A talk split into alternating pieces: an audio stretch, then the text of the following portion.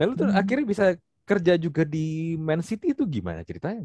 Semua bermula dari ketika gue iseng jalan-jalan ke London ke Millwall nama daerahnya Millwall. Welcome to Talk to Talk Podcast. Let's Talk Now bersama gue Andri dan gue kedatangan seorang guest. Guest gue ini adalah seorang fans garis kerasnya Newcastle United. Pernah kerja juga sebagai jurnalis di tabloid bola dan pernah kerja juga di Manchester City. Nah, lu bingung kan fansnya Newcastle tapi kerjanya di Man City. Kenalin temen gua namanya Firsi Idris. Apa kabar, Bro? Halo, halo, apa kabar semua? Baik-baik, Bro Andri. Apa kabar? Baik-baik. bro, ya se seperti ini ya perkenalan tadi di awal, lu fans garis hmm. kerasnya Newcastle United dan menurut ya. gua orang yang demen banget sama Newcastle, ya sebelum tadi kita mulai recording hmm. kita sempat ngobrol tentang ini ya. nih. Buat gua, gua kenal cuman baru dua orang selama gua hidup ya boleh dibilang yang demen banget sama Newcastle. Ya. Satu adalah teman gua yang pernah juga jadi guest di podcast gue juga yeah. Talk, Talk to Talk ini founder dan CEO-nya Wahyu Peter Shearer dan yeah. kedua adalah lu Firsi Idris. Dua ini Jordi kayak... abis. kayak makhluk langka ya. Iya, kayak, kayak ngapain sih gitu tim tim butut ini. gitu dibela-belain gitu ya. Iya, kan kalau gini, kalau zamannya pas ini ya pertengahan 90-an, awal 90-an ya. atau awal 2000-an, zaman-zamannya Kevin Keegan, Bobby Robson, ya. gua akuin Newcastle hmm. keren. Tapi ya. sekarang, Bro. Ya. Sekarang sih udah ampun-ampunan deh. Iya, nah Menderitanya nah, gue sih. Bener. Nah, tapi kenapa lu suka banget sama Newcastle sih? Ceritanya gimana ya? Ya, ya pasti bener lah kata lo. Eranya Shearer, eranya Ginola, eranya Kevin Keegan lah di hmm. entertainers pasti seangkatan seangkatan yang suka Newcastle tuh kebanyakan segitu. Gue berapa kali ketemu teman-teman Indotun hmm. ya sama seumuran kita semua, perhaps 35, 35 plus gitu loh yang hmm yang we were there ketika Newcastle menantang Man United di puncak Premier League gitu loh. We we were there ketika Newcastle main ke Camp Nou, main ke ke Giuseppe Meazza gitu. Kita nonton hmm. uh, di TV, kita nonton, kita lihat perjuangan hmm. mereka di Liga Champions gitu loh. Jadi hmm. Newcastle juga sempat jadi satu-satunya tim yang kalah di tiga pertandingan pertama fase grup Liga Champions, tapi habis itu tetap lolos ke uh, babak knock ke fase grup berikutnya, sorry, uh, dengan tiga kemenangan setelahnya.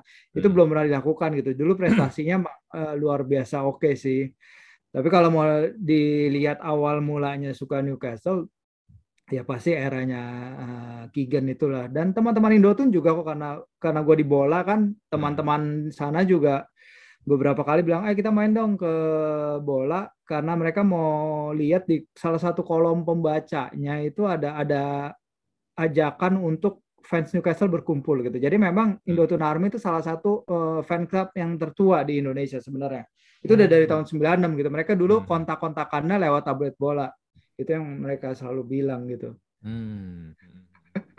iya zamannya Kiken itu kan musim 95 96 96 97 ya. itu tuh itu belum bilang top performance-nya ya. zamannya Kigen ya, ya dua kali runner up. Iya. Benar. Dan tapi kalau mau dibilang sebenarnya gue suka pertama sih bukan Newcastle ya. Karena gue suka pertama tuh sebenarnya pastilah orang 90-an ya, mungkin lu juga ya, pasti sukanya Calcio gitu. Hmm. Juventus gue dulu suka hmm. sama uh, waktu itu tim Belanda Ajax Ajax itu Ajax Amsterdam gue suka banget gitu loh hmm. sebenarnya uh, dulu ya udah namanya bocah ya punya tiga tim kan wajar ya tim jagoan ganti-ganti gitu kalau gue yeah. ponakan gue juga gue tanya sekarang hari ini suka Chelsea minggu depan suka MU beda-beda gitu loh hmm. ya dulu kayak gitu bocah terus habis itu gue mikir ya lama-lama Juventus sama Ajax sudah masih oke okay, tapi nggak nggak terlalu tertarik lagi justru bener-bener tergila-gilanya ya udah sama Newcastle gitu dan udah nggak udah udah nggak bisa ke mana-mana lagi sih hmm. setelah hmm. itu hmm.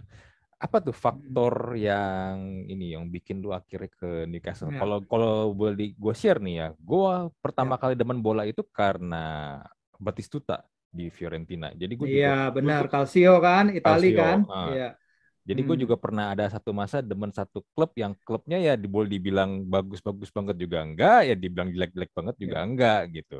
uh, Fiorentina yeah. pas zaman itu kan. Nah, gue karena ada ke gue karena ada Batistuta. Ya, kalau lu karena apa? Hmm. Gue sebenarnya Newcastle itu mau dibilang Shearer iya bisa juga dibilang Shearer gitu apalagi ketika itu dia mecahin rekor transfer dunia dia coming hmm. back home dan hmm. lain-lain gitu ya hmm. itu pertama Uh, tim entertainers Keegan iya pasti. Tapi gue juga suka yang namanya uh, David Batty. Nggak tahu deh lo masih inget apa enggak. Tapi dia gelandang. Itu gelandang pekerja keras. Gelandang. Hmm. Ya dia di Piala Dunia 98 dia main buat Inggris. Dia gagal penalti lawan Argentina. Benar. Itu pemain Newcastle tuh. Uh, zamannya Newcastle masih bisa ngirim pemain ke timnas Inggris gitu. Sekarang udah nggak bisa sama sekali. Udah udah dari kapan udah nggak tahu gue. Nomor punggung 4 ya, ya kalau nggak salah ya? Iya, nomor, nomor punggung 4. Ah, iya, benar. Benar banget. Itu main uh, keren banget. Jadi dia basically satu-satunya pemain holding mid uh, satu-satunya pemain yang punya naluri bertahan di antara uh, lapangan tengahnya Newcastle ketika itu. Dan kemudian uh, era itu selesai kan Newcastle sempat terombang ambing tuh beberapa kali itu habis eranya Kevin Keegan habis itu hmm. datang era kegelapan dah eh, si jagoan Liverpool datang tuh kayak Kenny Dalglish iya, ngerusak segalanya benar-benar ngerusak segalanya timnya Keegan dia dia ganti dia dia masukin teman-temannya, teman-teman yang lama iya. John Barnes, Bener, Ian Rush, Pierce, Ian, Ian Rush, Anjrit. Ian Rush waktu itu udah 36 tahun. Iya, kalau Ian Rush dapat 28 tahun, ya gue mau aja. Ini Ian Rush udah 36 tahun dia paksain hmm. main.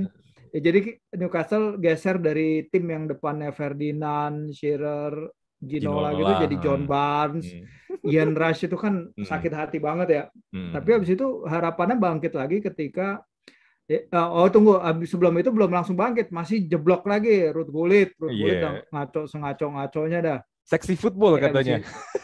Gue masih inget yeah, tuh seksi yeah, football dulu. Iya, yeah, kan. benar branding dia seksi football. Nyatanya ya, brandingnya jauh lebih kuat daripada di lapangan.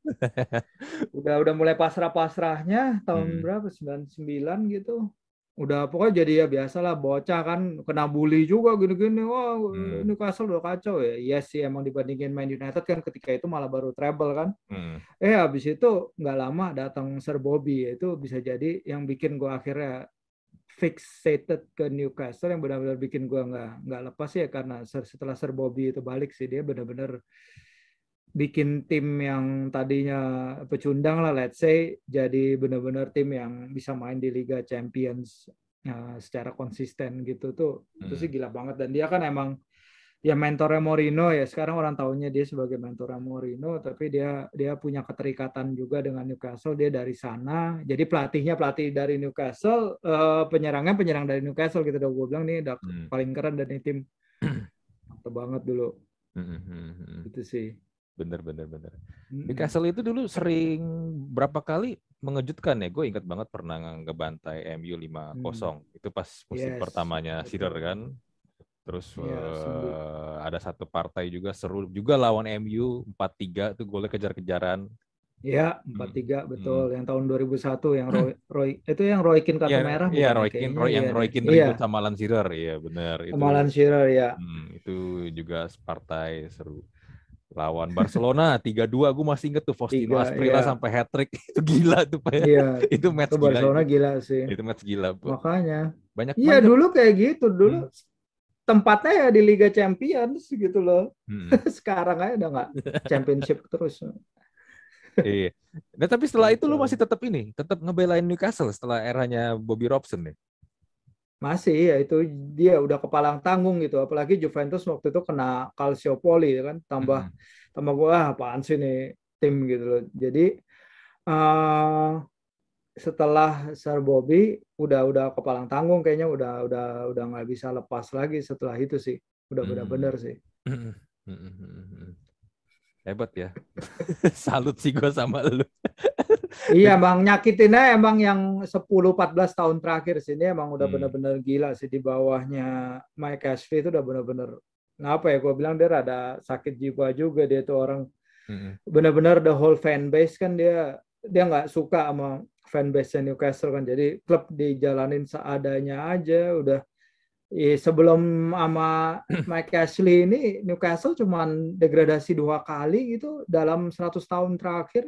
Begitu dia datang masuk, udah degradasi dua kali dalam cuma dalam 14 tahun gitu udah kacau banget. Iya, iya. Sekacau-kacaunya pemilik. Dulu tuh Newcastle punya presiden oke okay ya. Sir John iya. Hall, uh, Freddie Shepard juga pernah jadi iya. presiden Newcastle. Nah, after Freddie Shepard ke Mike Ashley ini lah ya. itu udah kacau. Dan Sir John Hall kan orang lokal, jadi yeah. dia iya. tuh di sana punya mall deh. dia bisnisnya mall. Jadi uh, mall terbesar di daerah Newcastle di daerah Northeast Inggris itu. Hmm. Dan mungkin ada yang bilang mall terbesar juga di uh, Inggris Britania Raya ya kayaknya. Tapi hmm. gue harus cek. Itu punyanya dia namanya Metro Center. Jadi emang pertama udah strikernya lokal, uh, sempat datang Sir Bobby uh, pelatih lokal, hmm. Sir John Hall pemilik lokal, hmm. yang sponsornya Newcastle Brown Ale. Iya, benar-benar. Newcastle Brown Ale kan itu udah paling legendaris ya. Walaupun Newcastle Brown Ale nggak benar-benar di distilled di Newcastle, nggak benar-benar dibuat di Newcastle. Hmm. Cuman brandingnya kan Newcastle Brown Ale. Hmm. Itu jersey yang ikonik banget tuh pas lagi sponsoran Newcastle Yoi. Brown Ale. Uh, ya zamannya Kigen ya bener kan yang dua musim itu kan 95 hmm. sampai 97 ya dua musim itu tuh itu jersey yeah. yang menurut gua the best Newcastle jersey sih dan salah yeah, satu yeah. menurut gue desain Adidas waktu itu yang hmm. keren ya sampai sekarang ya. Iya, iya. Memang banyak juga sih yang bilang itu desain salah satu desain jersey Premier League terbaik lah. Pokoknya kalau lo lihat di daftar-daftar gitu hmm. pasti ada di top 3 sih. Hmm. Emang itu ikonik banget sih dan dicari banget sampai sekarang. Bener. Gue dulu punya tuh berapa kali, cuman akhirnya gue jual juga. Gue pernah. Yeah. Sayang hmm. banget tau gitu jual ke gue. Sirar sama Gino lah. Gue pernah punya ya Sirar sama nah, Gino. iya, tau gitu dijual ke gue. Tuh gue masih nyari juga soalnya kalau ada info teman-teman yang lain ada info boleh juga sih. Karena gue pasti masih nyari tuh. Oh, lu masih ngumpulin? Gila, luar biasa. Gue aja udah, masih gue udah give up sama jersey. Capek ngurus ininya, perawatnya. Iya sih. Yang penting jangan ditaruh di lemari sampai nempel-nempel gitu sih. Iya benar. Jangan itu, sih. Itu itu dia problem. Gue kejadian makanya ha, itu hmm. problemnya sih. Hmm. Serem sih. Benar benar benar benar.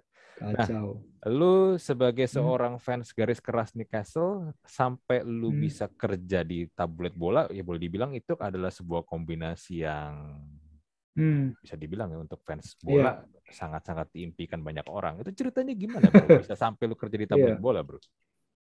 Wah itu benar-benar nggak ketebak sih. Sebenarnya itu itu cuma bisa terjadi karena gue males di kuliah tau nggak lo?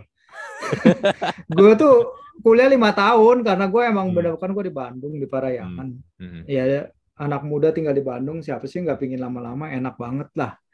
Uh, itu gue seharusnya lulus 2006 ya gue masuk 2002 lazimnya kan gue lulus 2006 kan 4 tahun tapi hmm. ya gue namanya juga rada belangsak ya di sana belajar seadanya, main, main bola sih terutama gila-gilaan kalau hmm. main bola. Main W EPS, PIS waktu itu. PS ke main ke rental 8 jam sehari. Hmm. Masih nambah gitu sama teman-teman gue.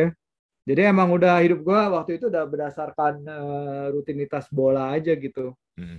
Terus habis itu ya emang kalau cerita masuk bola tuh emang very coincidental sih karena ketika itu gue udah sel baru selesai sidang atau baru mau sidang gitu kayaknya udah selesai sidang deh tahun 2007 gue lagi jalan di kampus bawah tiba-tiba gue liat di mading nggak tahu nih teman-teman masih ada, ada mading nggak di kampus sekarang ya tapi gue liat di mading tuh lowongan untuk bola hmm. gitu hmm.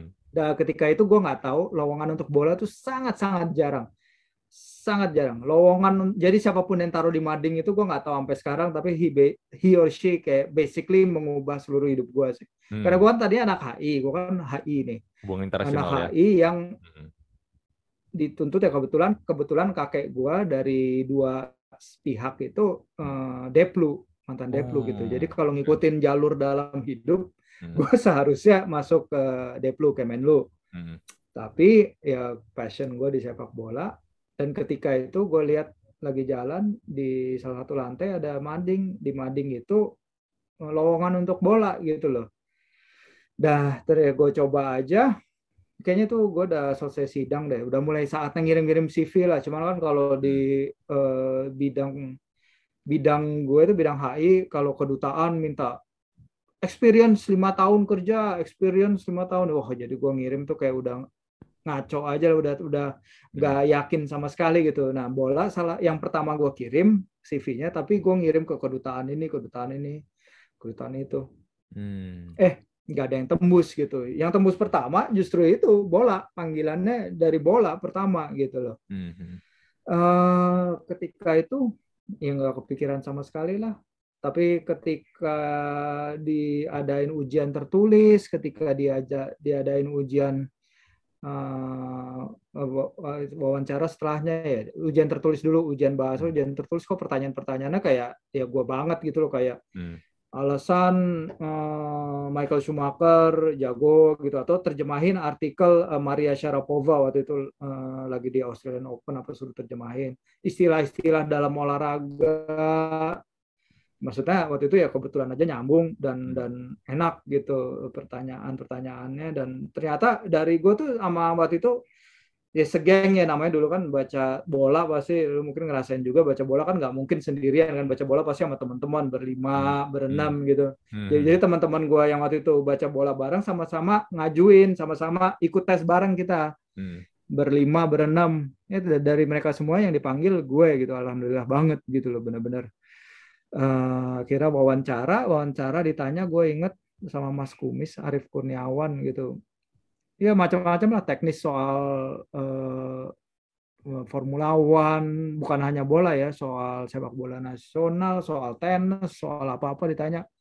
Ya gue udah keringat dingin gue datang ke sana juga pakai dasi gini-gini kayak orang kantoran gitu. Ternyata hmm gue di sana di wartawan-wartawan sana santai pada pakai kaos, pada pakai celana pendek kalau ke kantor anjir gue pakai dasi sendiri waktu itu hari pertama masuk gitu lah anjir. Hmm. Diketawain gitu, oh, buset ternyata emang uh, modusnya di sana tuh culture-nya emang emang rada emang santai sih. Karena hmm. ya memang kita kan berhari-hari di kantor jadi kantor udah kayak rumah aja jadi ya itu sih awal mulanya itu eh, salah jalur bisa dibilang salah jalur karena dari target awal gue pengen masuk Deplu tiba-tiba terjerumus ke dunia jurnalistik olahraga sih itu ya passion gue tapi gue nggak pernah nyangka bakal jadi jalur hidup gue gitu loh. Hmm. Hmm. hmm. Nah lu berarti langsung jadi jurnalis di situ? Iya calon calon wartawan dulu tiga bulan enam bulan gitu. Dan dan waktu itu ya training training seadanya ya habis itu uh, dicobain di masing-masing desk desk nasional desk olimpik yang olahraga olahraga non sepak bola desk internasional gitu. Hmm. ya gue sih pinginnya waktu itu uh, untuk masuk desk yang nasional gitu karena dari dulu kalau gue dapat bola nih sama teman-teman gue dulu pasti yang hmm. pertama gue baca tuh soal isu sepak bola nasional sih hmm. bukan internasional hmm. hmm karena ya sukanya eh, di situ eh ternyata habis itu masuknya ke sepak bola internasional ya sangat sangat nggak apa-apa juga malah seneng sih hmm. sebenarnya liputan apa pun juga kayaknya senang aja gitu Wah, mau liputan Olimpik juga gue eh, mangkala di itu sentul tiap minggu pagi Hmm. Waktu masih jadi awal-awal mulai jadi wartawan gitu, ada balapan kan, balapan-balapan gitu nongkrong di Sentul minggu pagi enak juga, gue bilang seru-seru juga. gitu sih. Uh. Iya iya iya. iya. Dan berarti lu selama jadi wartawan tablet bola pernah juga dong berapa kali dikirim ke event-event di luar? Iya sih. Hmm. Nah, iya. event event event apa aja nih yang lu pernah ini yang pernah lu liput? Iya. Oh, sebenarnya penugasan pertama apa kedua ya itu berdekatan soalnya gue lupa. Pertama kayaknya salah satunya itu uh, Asian Basketball League ABL hmm. itu uh, seru ke Filipina ngikutin SM hmm. SM Britama ya menarik sih karena uh, ya gue belajar lihat kelakuan bintang-bintang atlet-atlet uh, bintang luar juga gitu ya. Hmm uh, kalau lagi mereka lagi laga tandang gitu ya, ya ada yang pulang bawa cewek lah, ada yang balik ke main tandang ke Filipina ya. Sekarang kan udah 10 tahun itu juga udah lama. Udah boleh lah spill dikit. pemain hmm. pemain bulenya balik ke hotel bawa cewek, ada yang digedor-gedor kamarnya sejam sebelum tanding masih nggak bisa uh, dibuka pas dibuka pintunya tiba-tiba dia kayak lagi gele-gele gitu nggak jelas apa itu kocak sih. Itu experience banget sih itu maksudnya gue hmm, lihat hmm, hmm. kelakuan kayak gitu kaget sih. Terus yang kedua itu uh, London Arsenal itu sekaligus pertandingan Premier League pertama yang gue nonton. Arsenal lawan Wigan waktu itu sebagai bagian dari ada namanya ajang pencarian bakat Nike The Chance. Jadi uh, Nike The Chance itu beberapa tahun uh, dua pemenangnya itu masih main di Liga 1 sekarang. Satunya gelandang Persikabo Guntur, Guntur Triaji. Hmm. Itu yang gue temenin ketika dia ke London. Terus uh, berikutnya Evan Dimas. Jadi Evan Dimas juga lulusan Nike The Chance itu.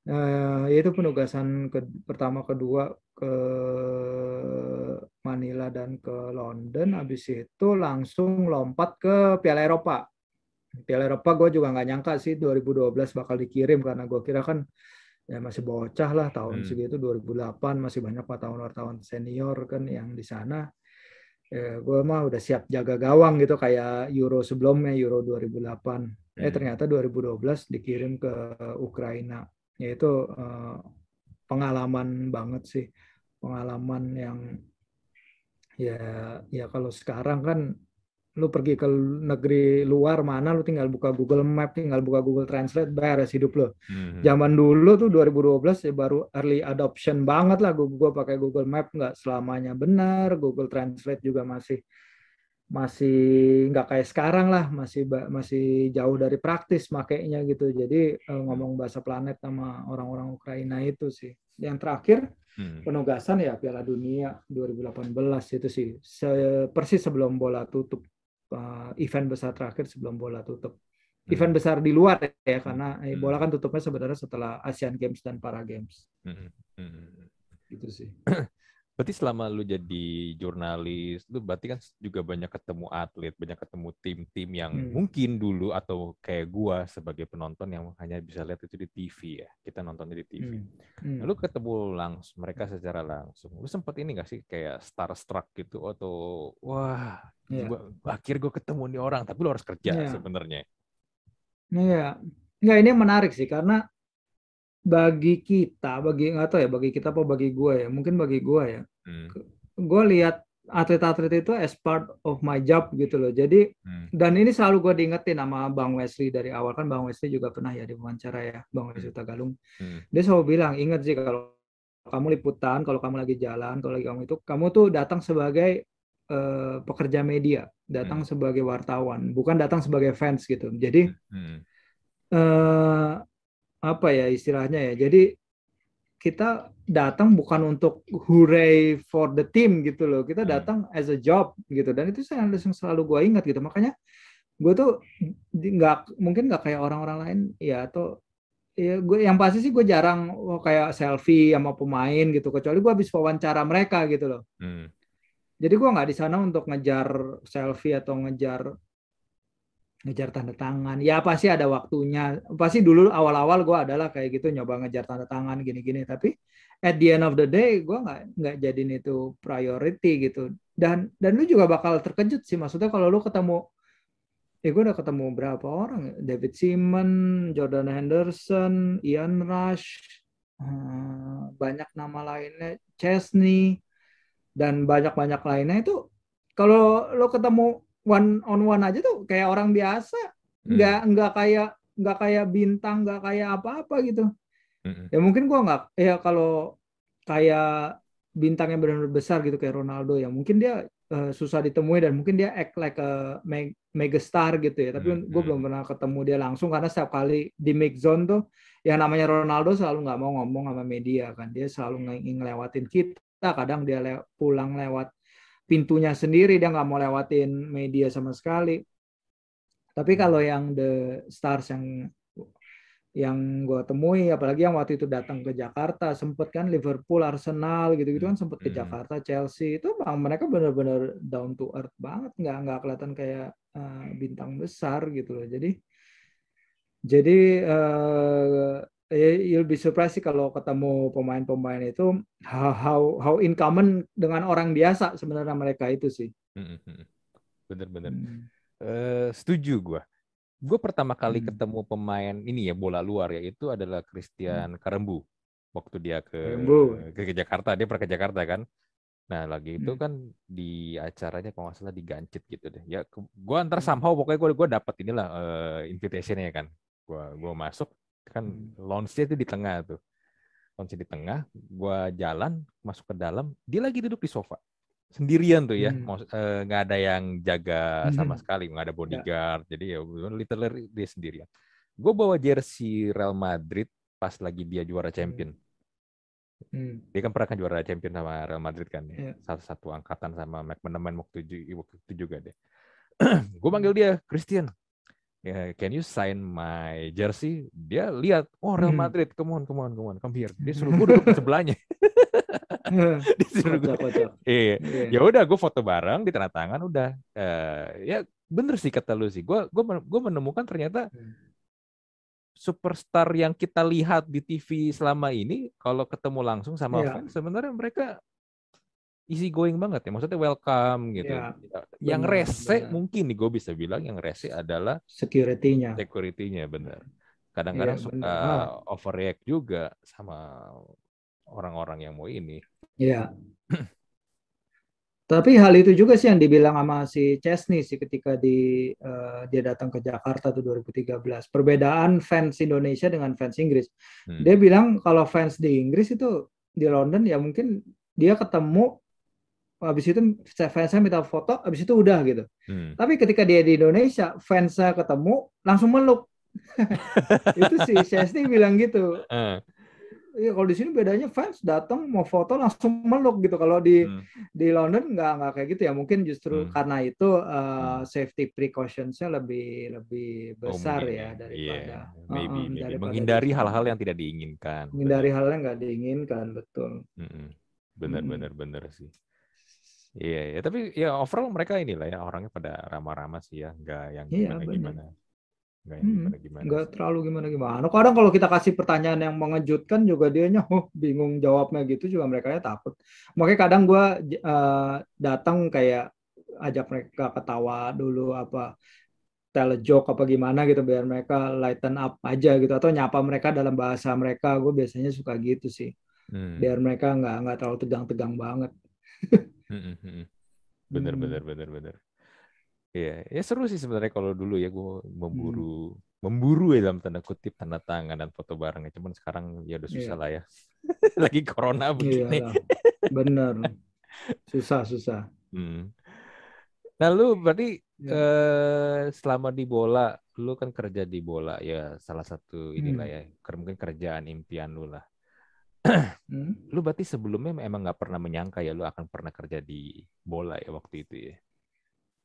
Enggak sih, maksudnya hmm, sebenarnya uh, nggak menyangka akan kerja di industri olahraga ini. Tapi kalau gue dari dulu gue emang suka bola dari SMA. Ya sebenarnya bukan hanya di kuliah gue males ya. Hmm. Kuliah kan gue lima tahun tadi gue cerita. Hmm. Di SMA pun gue empat tahun gitu loh. Empat tahun karena apa ya? Karena gue main bola karena kalau ada hmm. cup cup apa gue selalu ikut hmm. kalau ada kepanitiaan bola gue selalu ikut gue dikeluarin dari kelas gue nggak nggak boleh ikut ulangan gue main bola bukannya uh, mempersiapkan apa apa jadi emang udah dari dulu emang udah uh, passion gue di sini gitu loh jadi hmm. ya gue cukup beruntung sih maksudnya dari gue kecil sampai gue sekarang ini itu adalah ada sebuah benang merah yang bisa ketarik terus gitu loh. Jadi apa yang gue pelajari dari kecil, apa yang gue lakukan selama kuliah, misalnya ngedit-ngedit uh, sepatu pemain di Pro Evolution Soccer dulu kan bisa tuh, apalagi kalau di PC, hmm. Hmm, hmm. ganti ganti seragam, ganti jersey, download satu-satu, cari face pack untuk cari muka para pemain, hmm. cari sepatu para pemain itu kok kerjanya kayak gitu di kalau lagi nggak kuliah dulu nah hmm. habis itu itu berguna banget di kerjaan gua jadi gua bisa ngenalin sepatu pemain apa uh, warna apa gitu sepatu siapa warnanya kayak apa rambut siapa kalau dilihat sekilas jadi gua kalau lagi live tweet gitu gue cuma lihat sekilas bisa tahu gue bikin match report gue lihat sekilas bisa tahu pemainnya siapa gitu itu, itu beruntungnya di situ sih karena hmm karena itu basically yang gue lakuin sepanjang uh, kuliah, sepanjang gue SMA, sepanjang eh, dari SMP. Bahkan gue pertama main game online FIFA 96 kok pakai modem, modem yang bunyi berisik gitu. uh, modem telepon yang kalau hmm, tiba-tiba hmm, hmm. nyokap mau pakai telepon nggak bisa, gak gitu bisa karena gue lagi Sibuk. main online. Iya, iya karena gue lagi main online itu hmm. iya itu dari dulu tuh gue pertama main game FIFA 96. Jadi ya untungnya ada garis yang bisa ditarik sih dari gue dulu sampai sekarang gitu. Hmm. Lu bisa bilang lu beruntung gak sih? Karena nggak semua orang ya itu hmm. seberuntung hmm. lu bisa bekerja dan sesuai dengan yeah. passion lu, apa yang lu suka, apa yang lu cintai. Yeah. Kebanyakan orang kan kerja yeah, ya bener. karena ya ya gue harus dapat duit, that's it gitu. Berhenti di situ yeah, doang. Akhirnya bener. mereka ya tiap hari mengeluh, hmm. capek lah. Iya iya iya. Iya, jadi gue sih nggak perlu nungguin kayak weekend gitu kan ada yang orang hmm. kalau wah akhirnya weekend atau akhir atau bentar lagi Jumat, bentar lagi Friday atau udah mulai Senin gitu enggak gitu. Hmm. Hmm. Ya pastilah gue ngerasa beruntung pasti banget gitu loh. Tapi ya uh, di satu sisi kan jadi wartawan juga pengorbanannya luar biasa gitu. Hmm. Selama gue kerja gitu, weekend gue hampir nggak bisa luangin waktu untuk sama keluarga, apalagi pas awal-awal ya. Hmm. Karena bola kan deadline-nya minggu eh, malam, bola deadline-nya minggu malam sampai Senin pagi.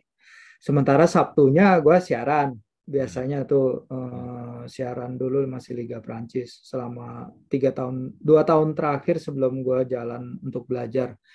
Jadi uh, yang namanya acara keluarga namanya kumpul-kumpul keluarga itu gue miss sih. Dan dan kadang gue sesali juga gitu. Jadi gue nggak tahu siapa saudara-saudara gue siapa uh, tante ini siapa namanya om ini siapa namanya. Itu ya pasti ada ada penyesalannya juga. Dan itu perlu komitmen besar. Kalau lu nggak suka bola nggak ada passion di olahraga nggak nggak bisa sih jadi wartawan. Karena ya basically 24/7 hidup lo ya udah kayak gitu aja. Nggak nggak ada waktu pasti nggak ada waktu lembur. Yang namanya lembur itu nggak ada. Semua hari ya bisa dibilang lembur gitu mau kerja dari jam berapa jam berapa ngurusinnya bola eh, apalagi sekarang di dunia online kalau ada berita apa ya pasti walaupun lagi bukan shift tapi pasti kita juga terus merhatiin kita juga hmm. terus ngasih discussion ke grup untuk meningkatkan uh, uh, topik mau topik apa mau bikin topik apa ya itu pasti ada sih jadi ya seperti semua kerjaan lain ada minus ada plusnya tapi uh, di bidang ini plus kalau salah satu plusnya adalah gue bisa menonton pertandingan Piala Dunia 12 kali termasuk pembukaan sampai semifinal sampai final sih itu uh, pengorbanan yang I'm willing to take sih gitu sih. Hmm, hmm, hmm, hmm. Ya gitu. harga yang lu harus bayar itu sangat-sangat ini ya. Iya. Sepadan lah ya yang dengan dengan apa yang lu dapat. Iya dan ini tipes gitu-gitu waktu udah biasa kalau wartawan itu wartawan bola, wartawan olahraga. Oh kita kan ngikutin ritme kerja Eropa ya. Jadi hmm. biological clock kita tuh Eropa. Hmm. Saya bangun eh, biasa jam 2 siang, kerja sampai jam kerja malam jam 6 sampai jam 7 pagi gitu tuh udah udah biasa banget. Kalau lagi liputan eh, seharian penuh kerja pas di Moskow juga kemarin kita tidur baru jam 9 pagi, tidur jam 7 pagi, itu juga udah udah biasa. Saya sama teman saya, partneran saya di sana, ya kayak gitu kerjanya gitu. Selesai pertandingan kan jam 11 malam. Mm-hmm. Jam 11 malam waktu lokal, nungguin mereka semua keluar untuk ke mix zone untuk wawancara bisa satu jam satu jam dua pagi balik ke hotel jam 4 jam 4 mulai ngetik habis hmm. itu sampai jam 9 Hmm. Gitu sih pengorbanan. Nah, jadi kalau disangka libur apa pergi keluar itu cuman jalan-jalan, cuma nonton bola enggak banget karena uh, apa namanya pengorbanannya itu ya nah, segitu luar biasanya. Kayak gembel gitu ketiduran di pinggir jalan pernah gitu sering juga. Kayak orang nyasar nggak tahu harus hmm. ke mana pernah. Itu sih uh, pengorbanan-pengorbanannya. Hmm. hmm cerita-cerita seperti ini kan sebenarnya yang banyak orang nggak tahu kan orang berpikir wah lu enak ya kerja di bola lu bisa yeah. ke sini lu bisa datang ke Piala Dunia lihat Piala Dunia yeah. tapi kan lu nggak pernah tahu kan yeah. sebenarnya proses yeah. sampai akhirnya yeah. lu membaca artikel yeah. dan tulisannya itu kan gimana kan untuk yeah. output mendapatkan outputnya seperti itu kan?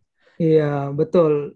Hmm, dan itu terjadi sih sebenarnya pas 2000 itu perbedaannya sih antara 2012 ketika masih kerja di cetak dan belum ada Instagram, belum ada uh, Twitter kayak sekarang. Hmm. Karena uh, 2012 orang mungkin lihat outputnya gue aja yang ada di tablet bola waktu itu. Hmm. Tapi kalau 2018 gue berusaha ceritain the other side of the story, the other side of the liputan lewat IG story.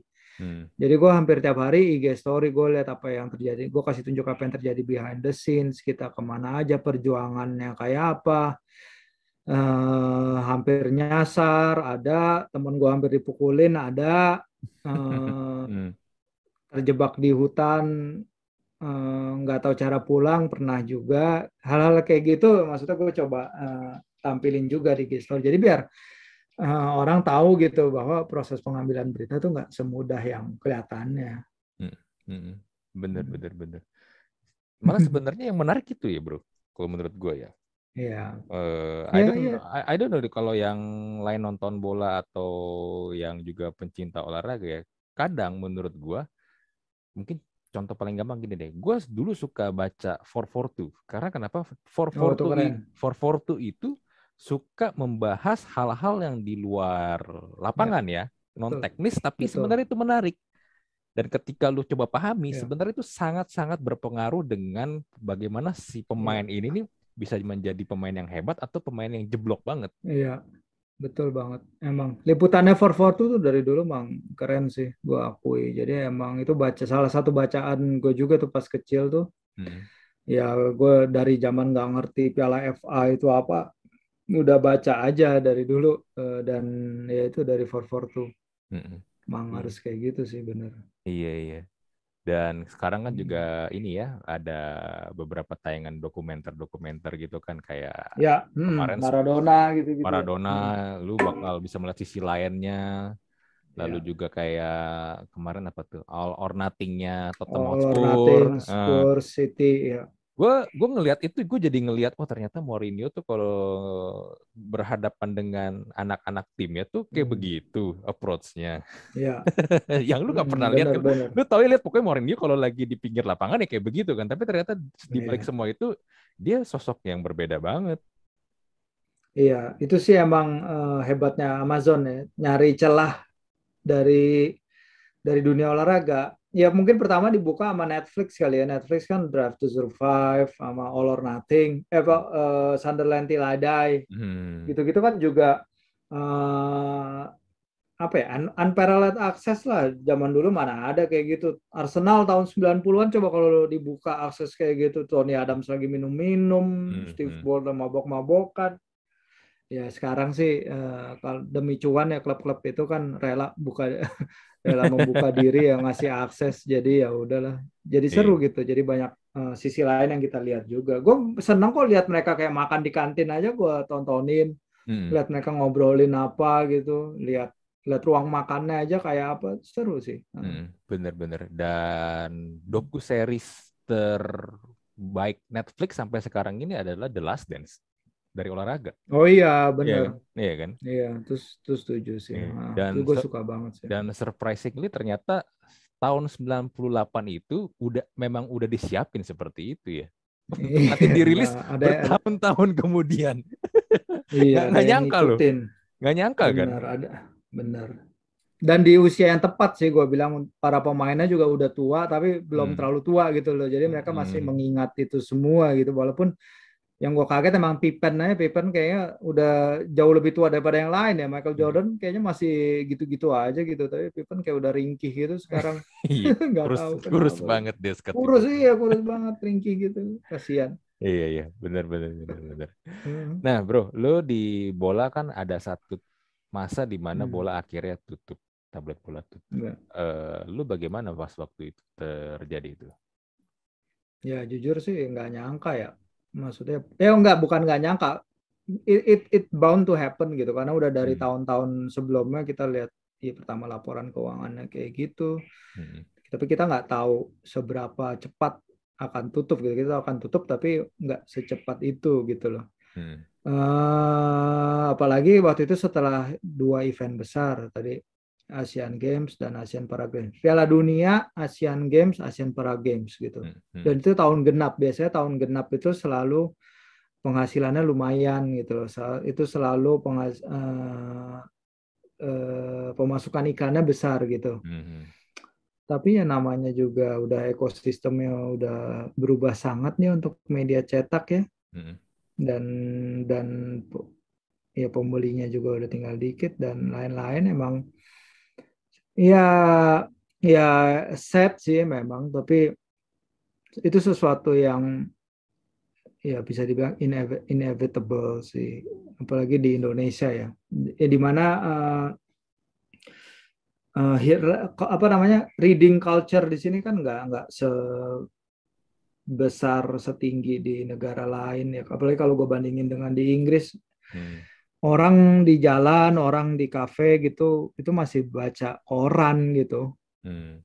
Nggak, kalau di sini kan ya udah nggak ada yang sama sekali gitu orang-orang ya TikTokan aja, Instagram dan lain-lain. Oh di sini emang lebih ini sih video oriented sih, YouTube gitu-gitu, TV. Hmm, hmm, hmm. Gitu, udah bukan bukan membaca gitu loh. Bener, hmm. bener, bener, bener.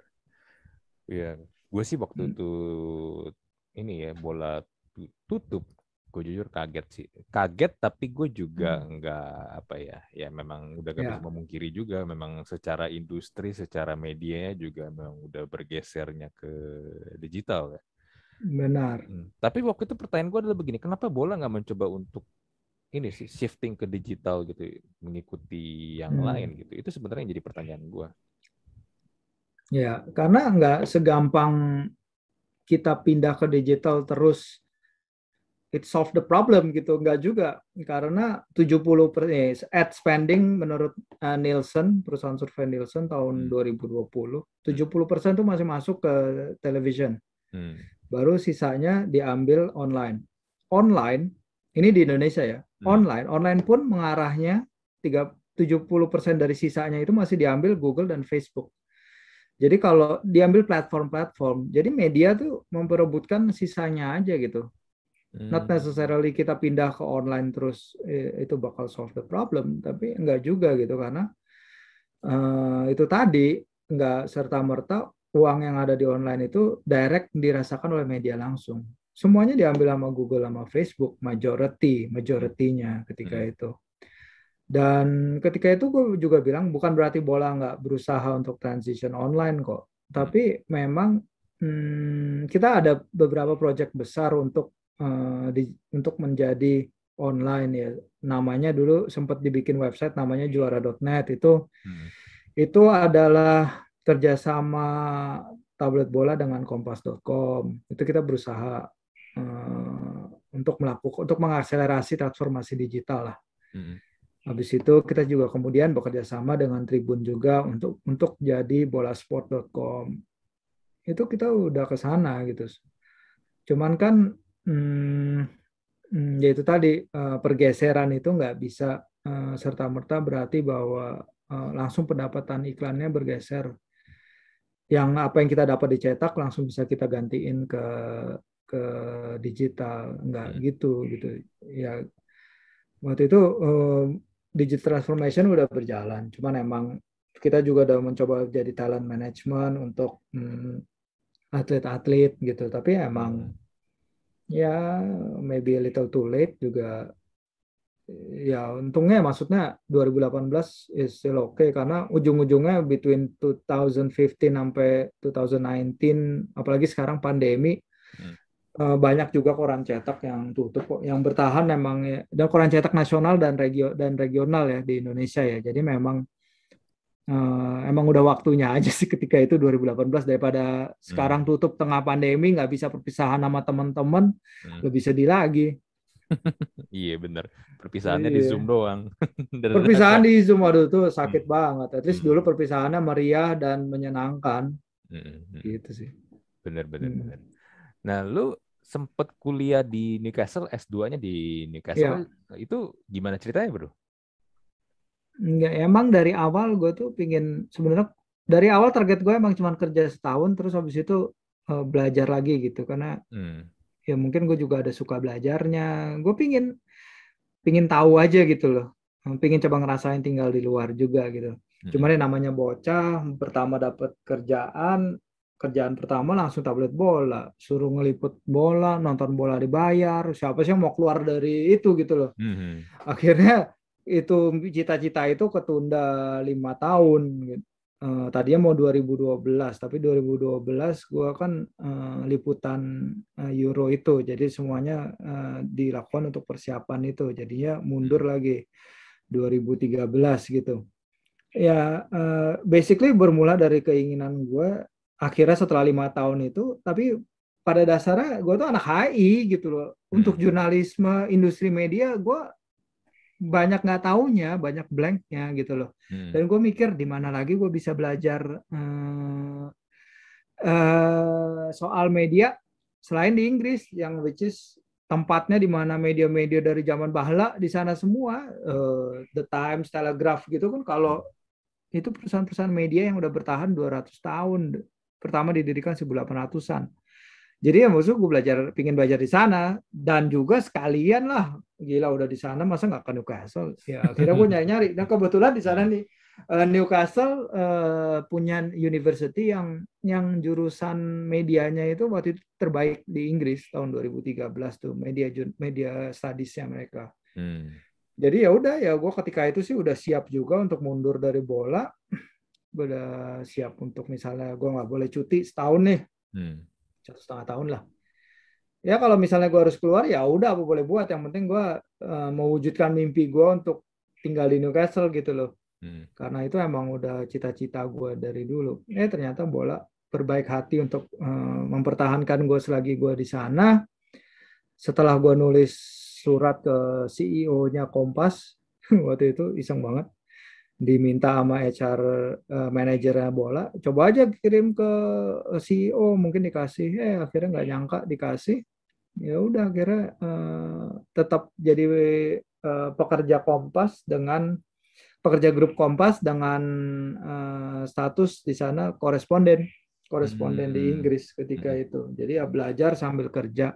Hmm. juga di untuk mengirim naskah ke Indonesia baru habis itu kerja lagi buat City gitu sih. Pokoknya tapi yang pasti gue ke sana tuh harus ke Newcastle. Kalau misalnya gue hmm. keterimanya di kota lain gitu, kota-kota gembel, nggak tahu lah di mana di selatan apa di uh, lebih ke utara ke Scotland gitu kayaknya nggak lanjut gitu. Tapi ya gue mumpung mumpung di sana lagi tepat banget semuanya. Gue setelah liputan panjang, gue habis merit juga ketika itu. Hmm. Istri gue juga dia belajar di Belanda Hmm, tadi sempat diajak ke Belanda juga, gue tapi gue mikir ah enggak lah kalau mau belajar keluar gue beneran ngotot harus di Inggris dan harus di Newcastle gitu. Jadi ya untungnya uh, bisa uh, ketemu jurusan yang pas dan ketemu timing yang pas juga gitu sih. Hmm, hmm, hmm. Gimana hmm. rasanya nyampe di sana? Kan boleh dibilang itu tanah Wah. perjanjiannya lu lah ya Newcastle itu. iya iya banyak ini ya jujur gue nggak gue mikirnya takutnya gitu karena mm-hmm. gue nggak punya siapa-siapa di sana gue nggak ada keluarga gue nggak ada kenalan biasanya kan orang kita tuh nyamannya kalau ada kenalan ada mm. keluarga ya gue mm. gue sebenarnya takut sih begitu gue nyampe ke Dubai pas mau naik pesawat ke Newcastle tuh gue nggak excited seneng gue takut gitu karena gue nggak tahu ada siapa di gue nggak tahu hmm Ini kota, ya gue akhirnya anjir gue, akhirnya gue mikir kayak anjir gue nekot juga nih, gue nggak tahu apa-apa, gue jalan mm. ke sana. Mm. Tapi ya pas nyampe, ya masa adaptasi gitu ya pasti eh, berat juga sih. Pertama lihat Newcastle, pertama lihat stadion, dan gue kan sengaja di sana tuh emang tinggalnya di student accommodation yang untuk mahasiswa internasional dan untungnya juga uh, student accommodation itu letaknya benar-benar persis di samping St James's Park, di samping hmm. stadion. Jadi kayak lu jal ini gue buka pintu ke akomodasi gue nih pintu utama akomodasi gue depannya tuh udah stadion hmm. literally cuman dipisahin satu jalan gitu doang dan itu emang gue di sana uh, sengaja milihnya itu emang hmm. tapi uh, ya gue nggak tahu siapa sih gue nggak gue nggak tahu apakah bakal ada orang Indonesia lain karena Newcastle kan di utara ya kota kecil gue gua nggak gua nggak berharap lah ketemu orang Indonesia lain di sana eh tapi ternyata banyak juga dan seru-seru untungnya tahun gue tuh orang-orang Indonesia-nya. Sama-sama penggila bola,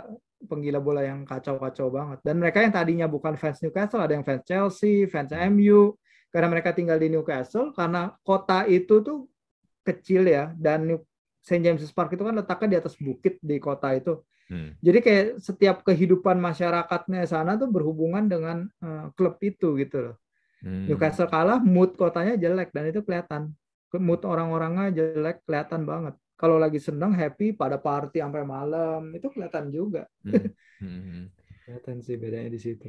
Oh mungkin ya bisa jadi memang karena hal itu ya hmm. menyebabkan kalau di sana sebuah klub itu udah jadi benar-benar harga dirinya orang-orang yang tinggal di situ ya. Iya, pasti banget. Harga diri regional. Hmm. Karena di sana kan kedaerahannya kuat juga. Karena daerah-daerah sana kan dialeknya beda-beda. Orang-orang dari suku beda-beda kan kayak si orang-orang Jordi, kalau orang hmm. Liverpool, Scouser, hmm. uh, Mancunian, orang-orang Manchester itu oh, kedaerahannya kuat-kuat. Mereka hmm. apalagi dibandingin dengan orang apalagi kalau uh, orang-orang dibandingin sama orang-orang selatan gitu Eh, kalau orang utara ngeliat orang selatan tuh udah kayak negara lain aja orang-orang London gitu udah udah kayak beda negara negeri aja permusuhannya gitu. Gitu sih. Iya iya iya. Nah lu tuh hmm. akhirnya bisa kerja juga di Man City itu gimana ceritanya hmm.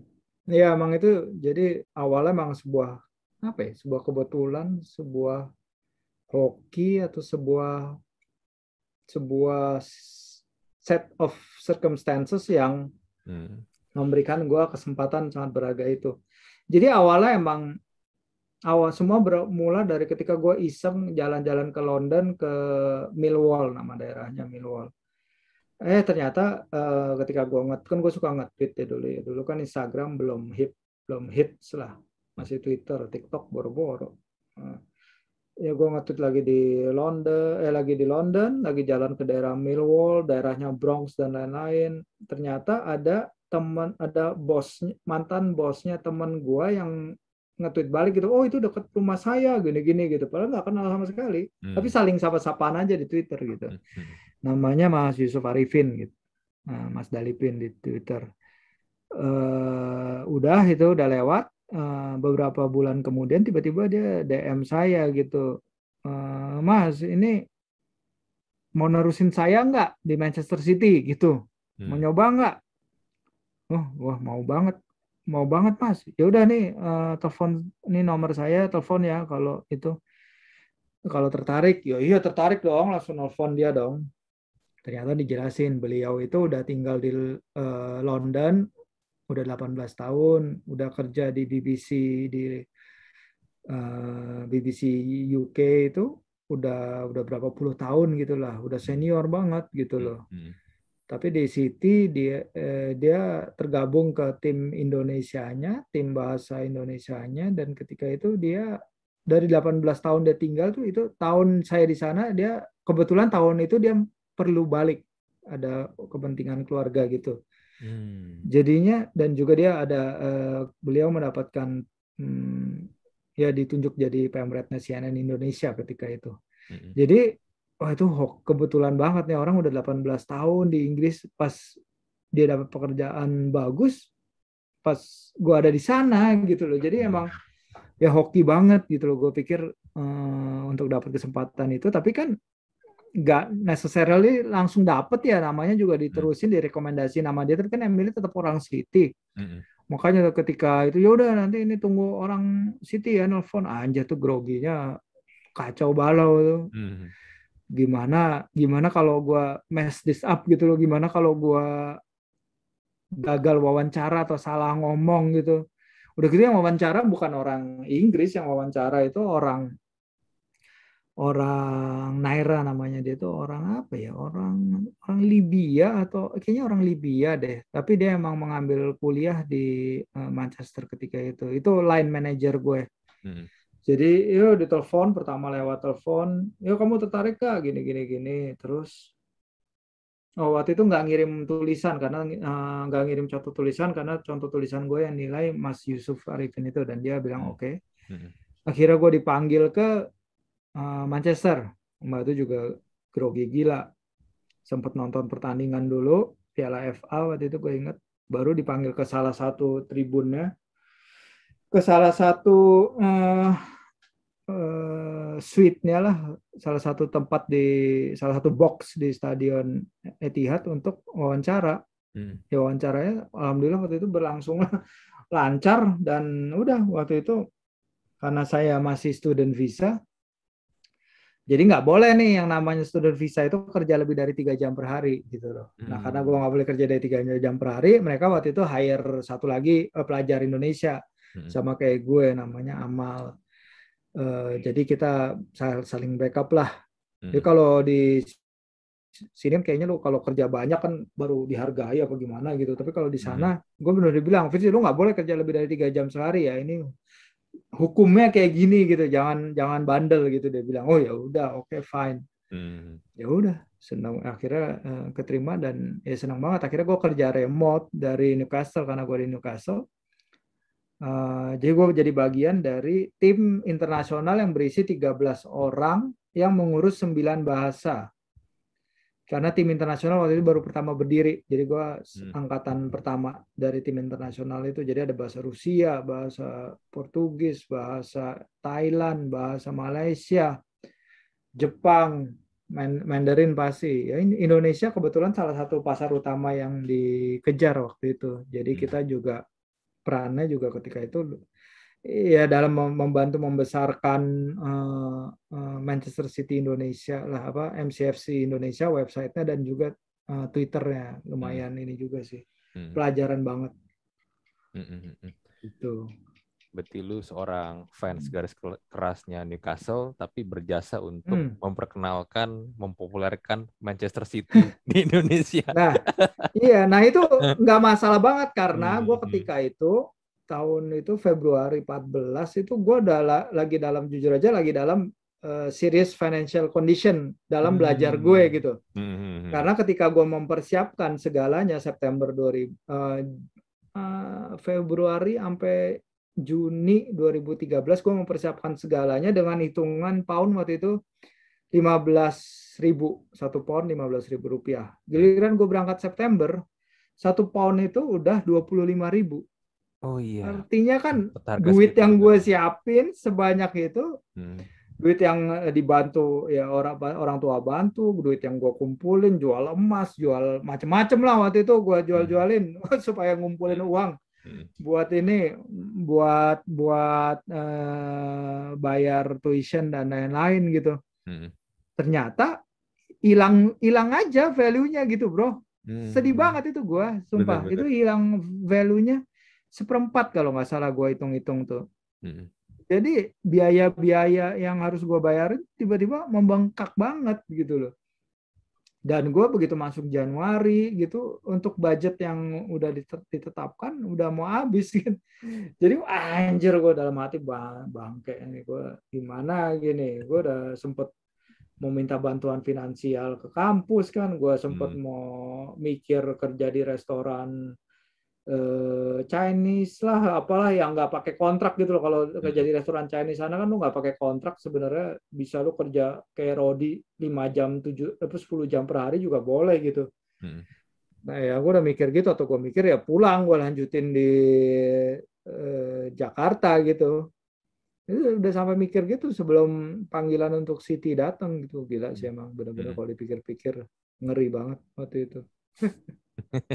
Ngeri-ngeri tapi gini loh, gue hmm. gue ngeliat ini ya eh, cerita lu dari lu yang hmm. kuliah awalnya hubungan internasional, hmm. terus lu coba lu kerja di bola dan akhirnya diterima yang sesuai yeah. dengan passion lu di bola, lalu lu hmm. akhirnya lu memang pengen ke Newcastle dan kuliah di Newcastle hmm. akhirnya tercapai dan ketika lu lagi kesulitan finansial di sana, eh ada yeah. ada tawaran yeah biarpun itu bukan di Newcastle tapi di Manchester City yeah, yeah. lu lu lu ambil dan lu lu diterima maksud gue hmm. kayaknya ini ya lu hoki sekali hidup lu gue nggak tahu sih alhamdulillah sih untuk itu sih gue benar-benar gak, gak nyangka sih hmm. ya ternyata ya kejadiannya ada-ada aja gitu dan ya ya gue berterima kasih banget gitu loh bisa bisa nyampe ke titik ini gitu loh karena hmm. banyak banget ya bantuan-bantuan kayak gitu yang memang datang di saat ya lagi benar-benar membutuhkan gitu di saat benar-benar lagi kondisinya lagi genting-genting banget gitu. Hmm. Makanya ya gue maksudnya gini, gue nggak nggak hmm. pernah apa ya, hmm. ya gue nggak pernah memaksakan sesuatu gitu loh maksudnya hmm. nggak pernah mengambil jatah yang bukan jatah gue gitu loh ibaratnya hmm. Rebut-rebutan liputan gitu misalnya minta liputan ke sini minta liputan ke sana ketika di bola nggak nggak pernah gitu loh. Dan nggak hmm. pernah main kayak ya biasalah politik di kantor kan kayak gitu kan pasti ada. Cuman gue nggak pernah main kayak gitu. Ya gue maksudnya kalau emang udah emang it's meant to be me it is for me gitu. Tapi kalau enggak ya gue nggak akan nggak akan berkecil hati gue nggak akan sedih terlalu besar gitu. Karena salah satu harapan gue ketika itu eh, misalnya gue pingin liputannya Liga Champions awalnya. Hmm. gue berharap liputan gue bisa berharap meliput final Liga Champions. Ternyata temen gue yang duluan jalan. Tapi ujung-ujungnya gue uh, berangkatnya ke Euro. Uh, Piala Eropa misalnya 2016 ya gue uh, karena gue uh, apa ya dekat dengan keluarga gue tuh uh, ya bisa dibilang dekat dengan Prancis lah. Dulu dulu kan bokap gue juga kerja di perusahaan Prancis maksudnya gue ada harapan besar untuk berangkat juga ke Euro 2016 hmm. ya gue nggak maksain gue pingin gini gue pingin berangkat situ. Enggak tapi ya gue nggak dapet itu ya gue jalanin aja. Ujung-ujungnya dapet Piala Dunia 2018 gitu sih. Hmm. maksudnya ya ya di situ hokinya sih hokinya di situ dan ya mungkin karena gue nggak yang nggak nggak pernah memaksakan sesuatu yang bukan milik gue aja sih mungkin kayak gue rasa gitu sih hmm. dan gue nyari nyari gini gue juga nggak nyari nyari City maksudnya gue nggak nyari nyari kayak ah gue harus kerja gue uh, apply City apply uh, Arsenal apply United gitu hmm enggak juga gitu loh. Dan gue nggak nggak pernah memaksakan itu gitu. Hmm. Bahkan ya gue siap pasrah dengan keadaan aja. Kalau emang udah harus pulang ya gue pulang gitu. Ya udah mau diapain lagi. Tapi ya alhamdulillah masih iya. masih dapet sih di saat yang tepat itu. Hmm. Dan lu ini nggak ikutan bikin buku juga kerja di Manchester City? enggak, anjir, enggak lah itu itu ya itu pertama pas pertama buku keluar kaget juga sih cuman hmm, hmm. gue diledekin teman-teman gue lah pastilah ya hmm. pokoknya teman-teman terdekat gue udah tahu lah kisahnya gimana Ng ngakak sih itu sih iya iya uh, lu melihat gini gue karena lu juga pernah hmm. kerja di Manchester City nih lu melihat Manchester City yang dulunya bukan tim yang gimana-gimana ya kalau, kalau kita nyebut kata hmm. Manchester pasti langsung udah inilah ya iya, Manchester United, United lah ya, ya bukan City ya kan. Betul. Tapi sekarang Betul. lu melihat City diambil sama ya. pemilik yang memang kaya raya banget dan berubah menjadi ya. tim yang akhirnya bisa memenangkan juara kejuaraan ini ya Liga Inggris beberapa kali malah boleh dibilang 10 tahun terakhir ya boleh dibilang ya, udah City kan dia. Ya, penguasa mereka ya. Penguasanya City kan. Lu lu ngelihat gimana sih? Hmm. Apakah memang sepak bola sekarang ini this is the power of money kalau lu memang nggak bisa sampai sekaya City lu nggak bisa juara atau gimana maksudnya MU pun yeah. sebenarnya secara kan gini gue maksud gue gini kan kita ngeliat ada orang-orang yang lebih mau bilang kalau klubnya itu nggak punya tradisi tiba-tiba punya duit banyak lalu hmm. mereka juara itu katanya curang nggak adil yeah. segala macam lu, lu, lu tahu kan ada ada, ada anggapan iya, seperti yeah, itu kan Nah, tapi kan yeah, sendiri yeah, yeah. yang yang pernah kerja di sana nih, lu pernah lihat yeah. gimana mereka menjalankan sistemnya nih. Menurut lu gimana? Ya, yeah. sebenarnya having money is not everything ya. Sebenarnya it's how you do what you're doing with the money gitu itu yang penting kan. Hmm. Bagi gua, gua ngelihat City ketika gua di dalamnya, gua lihat klub yang sebenarnya pingin punya roots lebih besar ke Manchester ketimbang uh, United. Karena kalau kita lihat uh, Stadion Old Trafford itu sebenarnya letaknya dari Greater Manchester, bukan di Manchester kota gitu. Mm-hmm. Kalau lu datang dari arah timur, kalau lu datang naik kereta ke Manchester, itu dari mana pun kalau lu naik kereta datangnya dari arah timur. Stadion pertama yang lu lihat tuh Etihad, mm-hmm. bukan uh, Old Trafford. Mm-hmm. Dan di sekitar Etihad itu dulu itu gue punya teman yang tinggal di Manchester tahun 2000-an awal itu gembel tempat gembel tempat tempat jin buang, buang anak lah udah nggak jelas banget itu tempat tempat pembuangan gitu-gitu. Tapi dengan adanya Manchester City, mereka develop area itu, mereka ubah daerah yang tadinya ya area jin buang, buang anak itu jadi fasilitas modern yang dinamain sekarang City Football Academy gitu. Itu uh, pusat latihan dan kantor kantornya Manchester City gitu. Jadi hmm. they're doing that, tapi mereka nggak hanya uh, melakukan apa yang ada di lapangan gitu. Mereka juga kontribut banyak ke kota Manchester gitu. Hmm. Ini yang membuat gue lihat anjir City itu kalau dipikir-pikir emang lebih uh, lokal ketimbang United karena United itu mereka apa nggak pernah develop area sekitar uh, Old Trafford. Hmm. Lapangan latihan mereka juga jauh di sana dan sebelum beberapa tahun terakhir juga perkembangannya minim banget gitu loh. Hmm.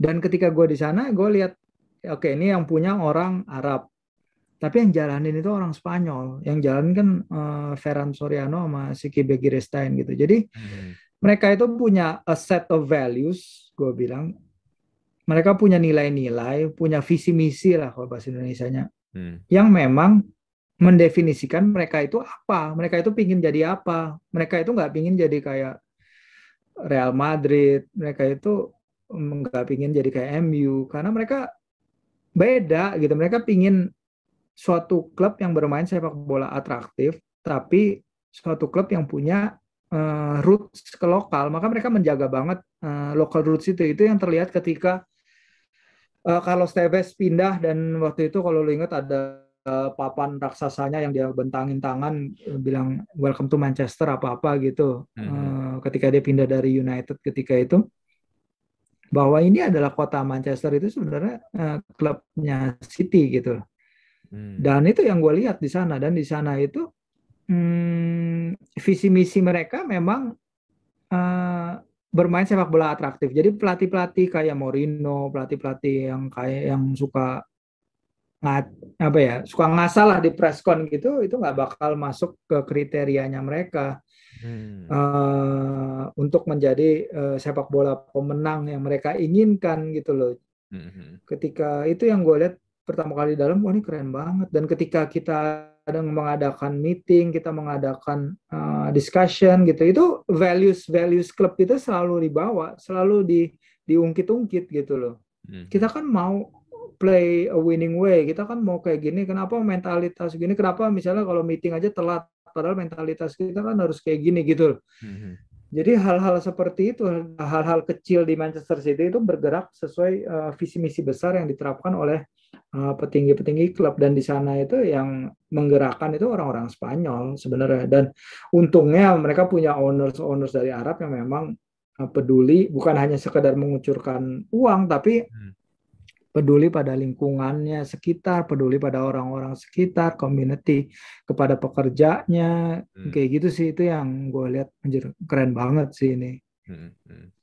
Iya iya. Hmm. Nah kan hal yang kayak begini kan orang banyak yang nggak tahu bro ya. Orang taunya City ah iya. taunya eh, dapat duit banyak dari orang Arab ya udah. Iya dapat duit. Betul. Makanya bisa juara Liga Inggris tinggal beli pemain aja yang bintang yang mahal-mahal. Ya ya sebenarnya kalau kita pikir-pikir lagi, kalau ya. pikir-pikir lagi ya, ya. kalau lihat kondisi hmm. MU sekarang. Hmm presidennya tahu sendiri kan ownernya MU itu kan Glazer itu kan malah dibenci yeah. sebenarnya sama fansnya Man United kan. Iya. Mm -mm. Dan Sheikh Mansur itu sama sekali di benar-benar dicintai loh.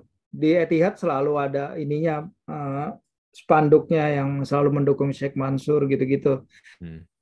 Karena emang beda banget seperti yang lu bilang. Si Glazer, Avram Glazer tuh baru kemarin loh nonton pertandingan Man iya. United lagi setelah sekian tahun ketika uh, Cristiano Ronaldo balik. Dan mereka perlu diprotes dulu sampai fansnya masuk ke lapangan, sampai bikin laga tertunda, baru mereka uh, berubah mindset mereka. Hmm. Karena Glazer kan melihat United lebih kayak cash cow-nya mereka kan. Mereka kan dapat uang dari situ. Hmm. Hmm. Uh, supporternya nggak diperhatiin. Dan dan ya perbedaannya di situ sih kalau gue lihat sih. Emang kadang City dibilang nggak punya fans dan lain-lain. Tapi sebenarnya di di kota Manchester sendiri banyak. Banyak banget. Bener bener. Hmm. hmm. nah buat Anda yang mendengarkan episode podcast kali ini mau ini kan nih mempertimbangkan jadi fansnya City nggak nih? Kayaknya udah nggak bisa sih fans United nyebrang ke City gitu, udah udah terlalu besar jurangnya. iya sih. Nggak tuh kalau ada fans Newcastle yang lagi terluka pingin pindah klub atau fans Arsenal biasanya fans Arsenal nih yang kayaknya open untuk pindah klub berhubung klubnya lagi kayak gitu. iya, benar. Nggak tahu deh. Aduh Iya. Arsenal. Ya tadi kan lu sempat gini ngomong ya filosofi, visi misi. Mungkin ya kalau kita lihat Arsenal itu adalah sebuah tim yang udah kehilangan visi misinya sih menurut gue ya. Yes. Iya benar karena dulu Arsenal tuh punya yang namanya Arsenal Way. Itu Hmm. itu cara bermain mereka kayak identitas mereka gitu loh. Hmm. Itu Arsenal Way itu eh gua pertama eh, belajar lebih soal itu ketika liputan Arsenal Soccer School di Indonesia. Hmm, hmm. Waktu itu mereka nerapin sistem bermain yang Wenger banget lah. Pick, pick Arsenal lah, Thierry Henry, Ljungberg, Hmm. Pires gitu-gitu loh. Hmm. Eh, kecepatan berpikir, kecepat eh, ya kalau menurut mereka tuh eh, kecepatan berpikir, kecepatan permainan, kecepatan operan, pokoknya semua dilakukan dengan speed. Identity itu kan hilang sama sekali setelah Wenger nggak ada gitu loh. Hmm.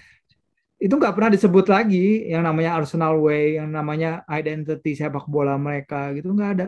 Sedangkan City itu ident- identitas sepak bolanya ada gitu. Sepak bola identitas identitas sepak bola mereka kan mengikuti eh, identitas sepak bolanya Barcelona kan karena Hmm. petinggi-petinggi mereka dari situ. Hmm. Guardiola yang ditunjuk makanya eh, ya itu tadi Mourinho juga nggak bakal dapat kesempatan di sana atau pelatih-pelatih kayak Van Hal gitu dulu Hmm. nggak bakal nggak bakal dipilih karena identity mereka itu yang mereka selalu jaga. Karena nggak hanya winning tapi winning winning beautifully gitu. Itu yang mereka selalu jaga dari dulu si- di City. Hmm. Malah mungkin sekarang City Hmm. lebih Barcelona dibandingin Barcelona sekarang ya. ah Barcelona mah udah ah, apa sih? Barcelona udah jadi troll club gitu udah jadi trolling. Apaan lepas Luis Suarez terus Luis Suarez bawa Atletico juara Iya. Wah itu udah kacau banget.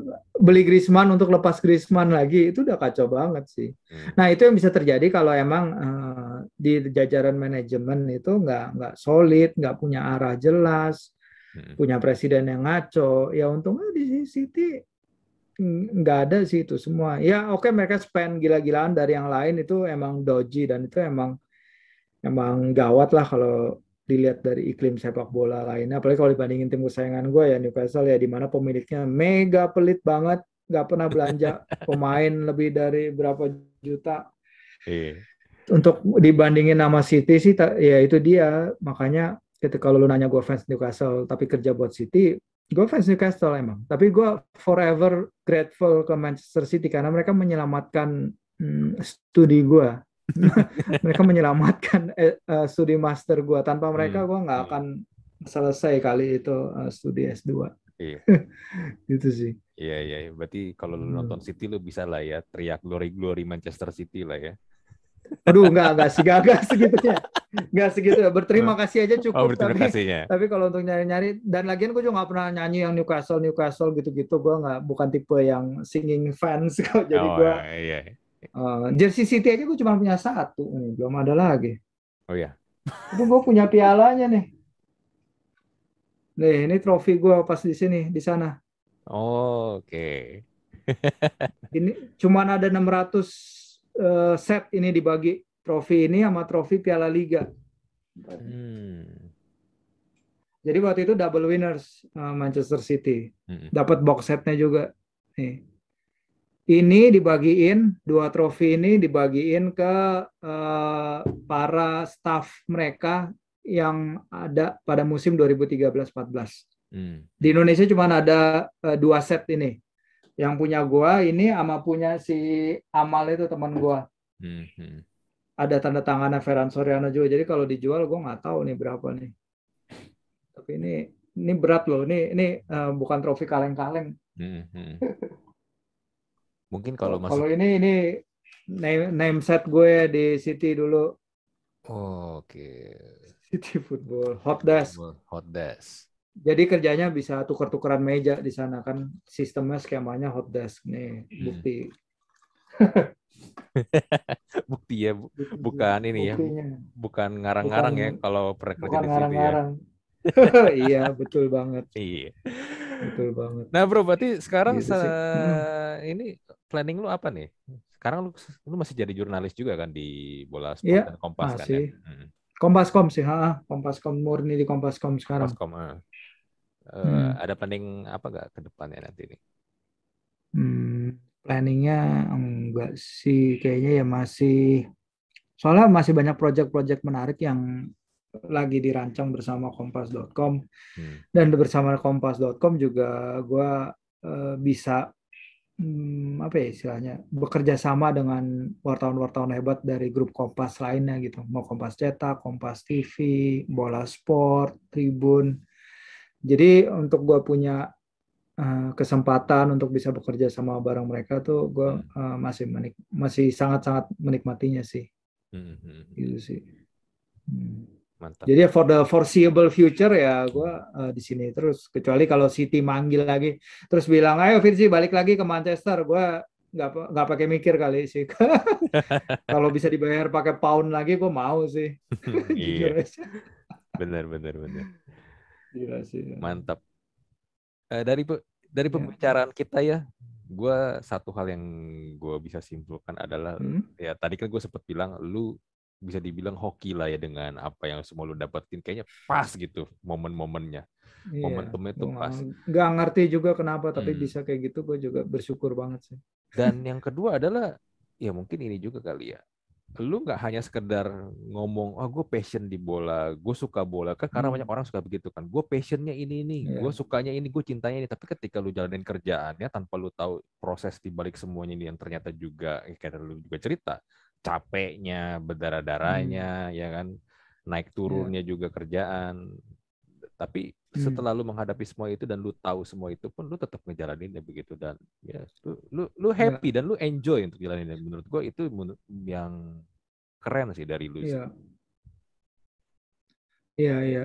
Alhamdulillah sih. Soalnya ya, apalagi kalau sekarang gini ya, jujur ya, sebenarnya kalau uh, bicarain pengalaman dan apa yang gue lewatin gitu kan kadang, hmm. jadi kalau gue ngomong di Twitter, kadang kan gue kalau ngetik sesuatu gini, gue perhatiin banget banget, gue jaga gitu. Uh, kalau gue kan sering nge-tweet, gue sering nge-tweet soal fakta-fakta pertandingan, soal fakta fakta-fakta di luar lapangan gitu. Nah, hmm. sekarang kan orang gampang ngomong ya, Hmm. Orang gampang banget tuh dan netizen. Kadang kalau gue ngomong so tahu gini apa ini salah, nggak kayak gitu, gini-gini. Maksudnya, hmm. ya maksud gue dalam hati, aduh, kalau gue liat profilnya ya bocil-bocil gitu tau gak sih? Jadi kayak anjir ini pengalaman gue, gue nulis itu berdasarkan pengalaman gue hmm. selama hmm. jadi wartawan selama ini gitu loh. Hmm. Bukan bukan kayak lu ngomong cuman karena lu fans United, gue sing senggol United dikit jadi marah gitu. Bah itu hmm. Hmm uh, fans United di Twitter tuh udah senggol bacok sekarang, bro.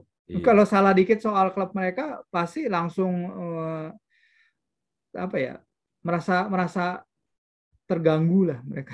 Jadi merasa, merasa terhina banget uh, memang benar. Merasa terhina banget padahal bukan apa-apa. Gue kadang nge-tweet soal Ronaldo uh, berdasarkan fakta kok. Udah gue nulis juga kadang soal regulasi gue berdasarkan regulasi. Tapi ya kadang orang kan sekarang dengan jari banget nih di di Twitter jadi kadang gue ngerasa aduh kok generasi uh, bocil-bocil ini uh, gini banget gitu loh jadi fans. Padahal gue beda ngomong ini gue buka regula gue lihat regulasi bener-bener gue hmm. lihat dari pengalaman gue lain-lain. Lu modal youtuber doang tiba-tiba ngebantah ini ngebantah itu maksud gue ya udah kalau nggak suka mau pendapat gue ya nggak nggak nggak nggak nggak perlu nyamperin kayak yang paling bener sih gitu sih iya bener. Makanya kan sering sering dikatain kardus kan sama coach Justin kan kardus kardus itu dia. kardus kardusnya MU itu sering dikatain nah ini ada yang ada yang lucu nih Lu tahu kan di Indonesia ini sering merasa, sering menganggap kalau hmm. Lu fans Manchester United, lu menganggap diri lu tuh mancunian. Nah, lu yang pernah hmm. kerja di hmm. Manchester City, coba deh lu jelaskan apa itu mancunian. lu lu jauh lebih kompeten untuk menjelaskan apa itu mancunian. ya orang bu temen gua aja orang bule ini orang bule yang tinggal di sana dia aja sadar dia bukan Mancunian gitu walaupun hmm. dia tinggal di Manchester lima tahun lebih gitu karena hmm. dia bukan orang lahiran Manchester asli dia bukan hmm. orang orang Mancunian gitu loh. Hmm. Dan sementara di sini ya ada aja yang masih kayak gitu, gue Mancunian karena mungkin bisa dianggapnya kayak oh Mancunian tuh fans Man U gitu ya. Hmm. Padahal kan itu orang-orang yang uh, asli dari sana, kayak orang Jordi lah. Uh, orang-orang Jordi, orang Scouser gitu kan. Hmm. Ya namanya juga orang, ya namanya juga orang kita ya wajar. wajar. Kurang kurang baca aja kali dikit. Iya, benar benar. Makanya itu Anda iya. dengarkan iya. kalau Anda lahir dan besar di Bekasi, dapat Manchester United ya udah Anda orang Bekasi bukan iya iya makanya ada ada ya tapi lucu sih emang kadang-kadang iya. fans itu tuh iya kocak-kocak luar biasa oke deh bro hmm. thank you banget loh buat ngobrol-ngobrol yeah. Thank you banget loh untuk undangannya bisa curhat, bisa cerita-cerita. Ada beberapa hal mungkin yang belum gue bicarain ke tempat lain di sama lo bro. Oh, gitu. Oke. Okay. jadi, jadi ya gitulah hmm. sekalian bisa mantap, mantap. cerita-cerita. Ya semoga bermanfaat aja maksud gue. Semoga pengalaman gue apa ya mungkin ya bermanfaat bagi orang yang mendengarkan. Terutama orang-orang yang nggak tahu kerjaannya mau ngapain gitu setelah kuliah, setelah kerja maksud gue.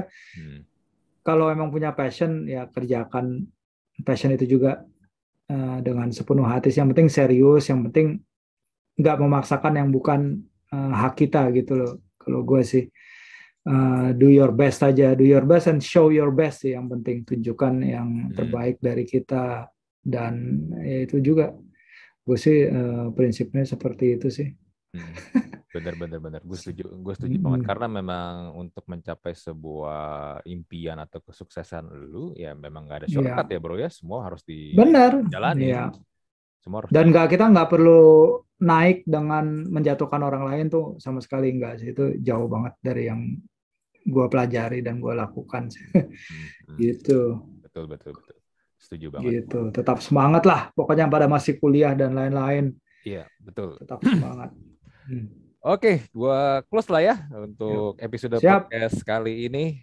Gua Andri dan Virsi Idris. Mohon pamit kita jumpa Yuk. lagi di Talk Talk Podcast episode berikutnya. Bye.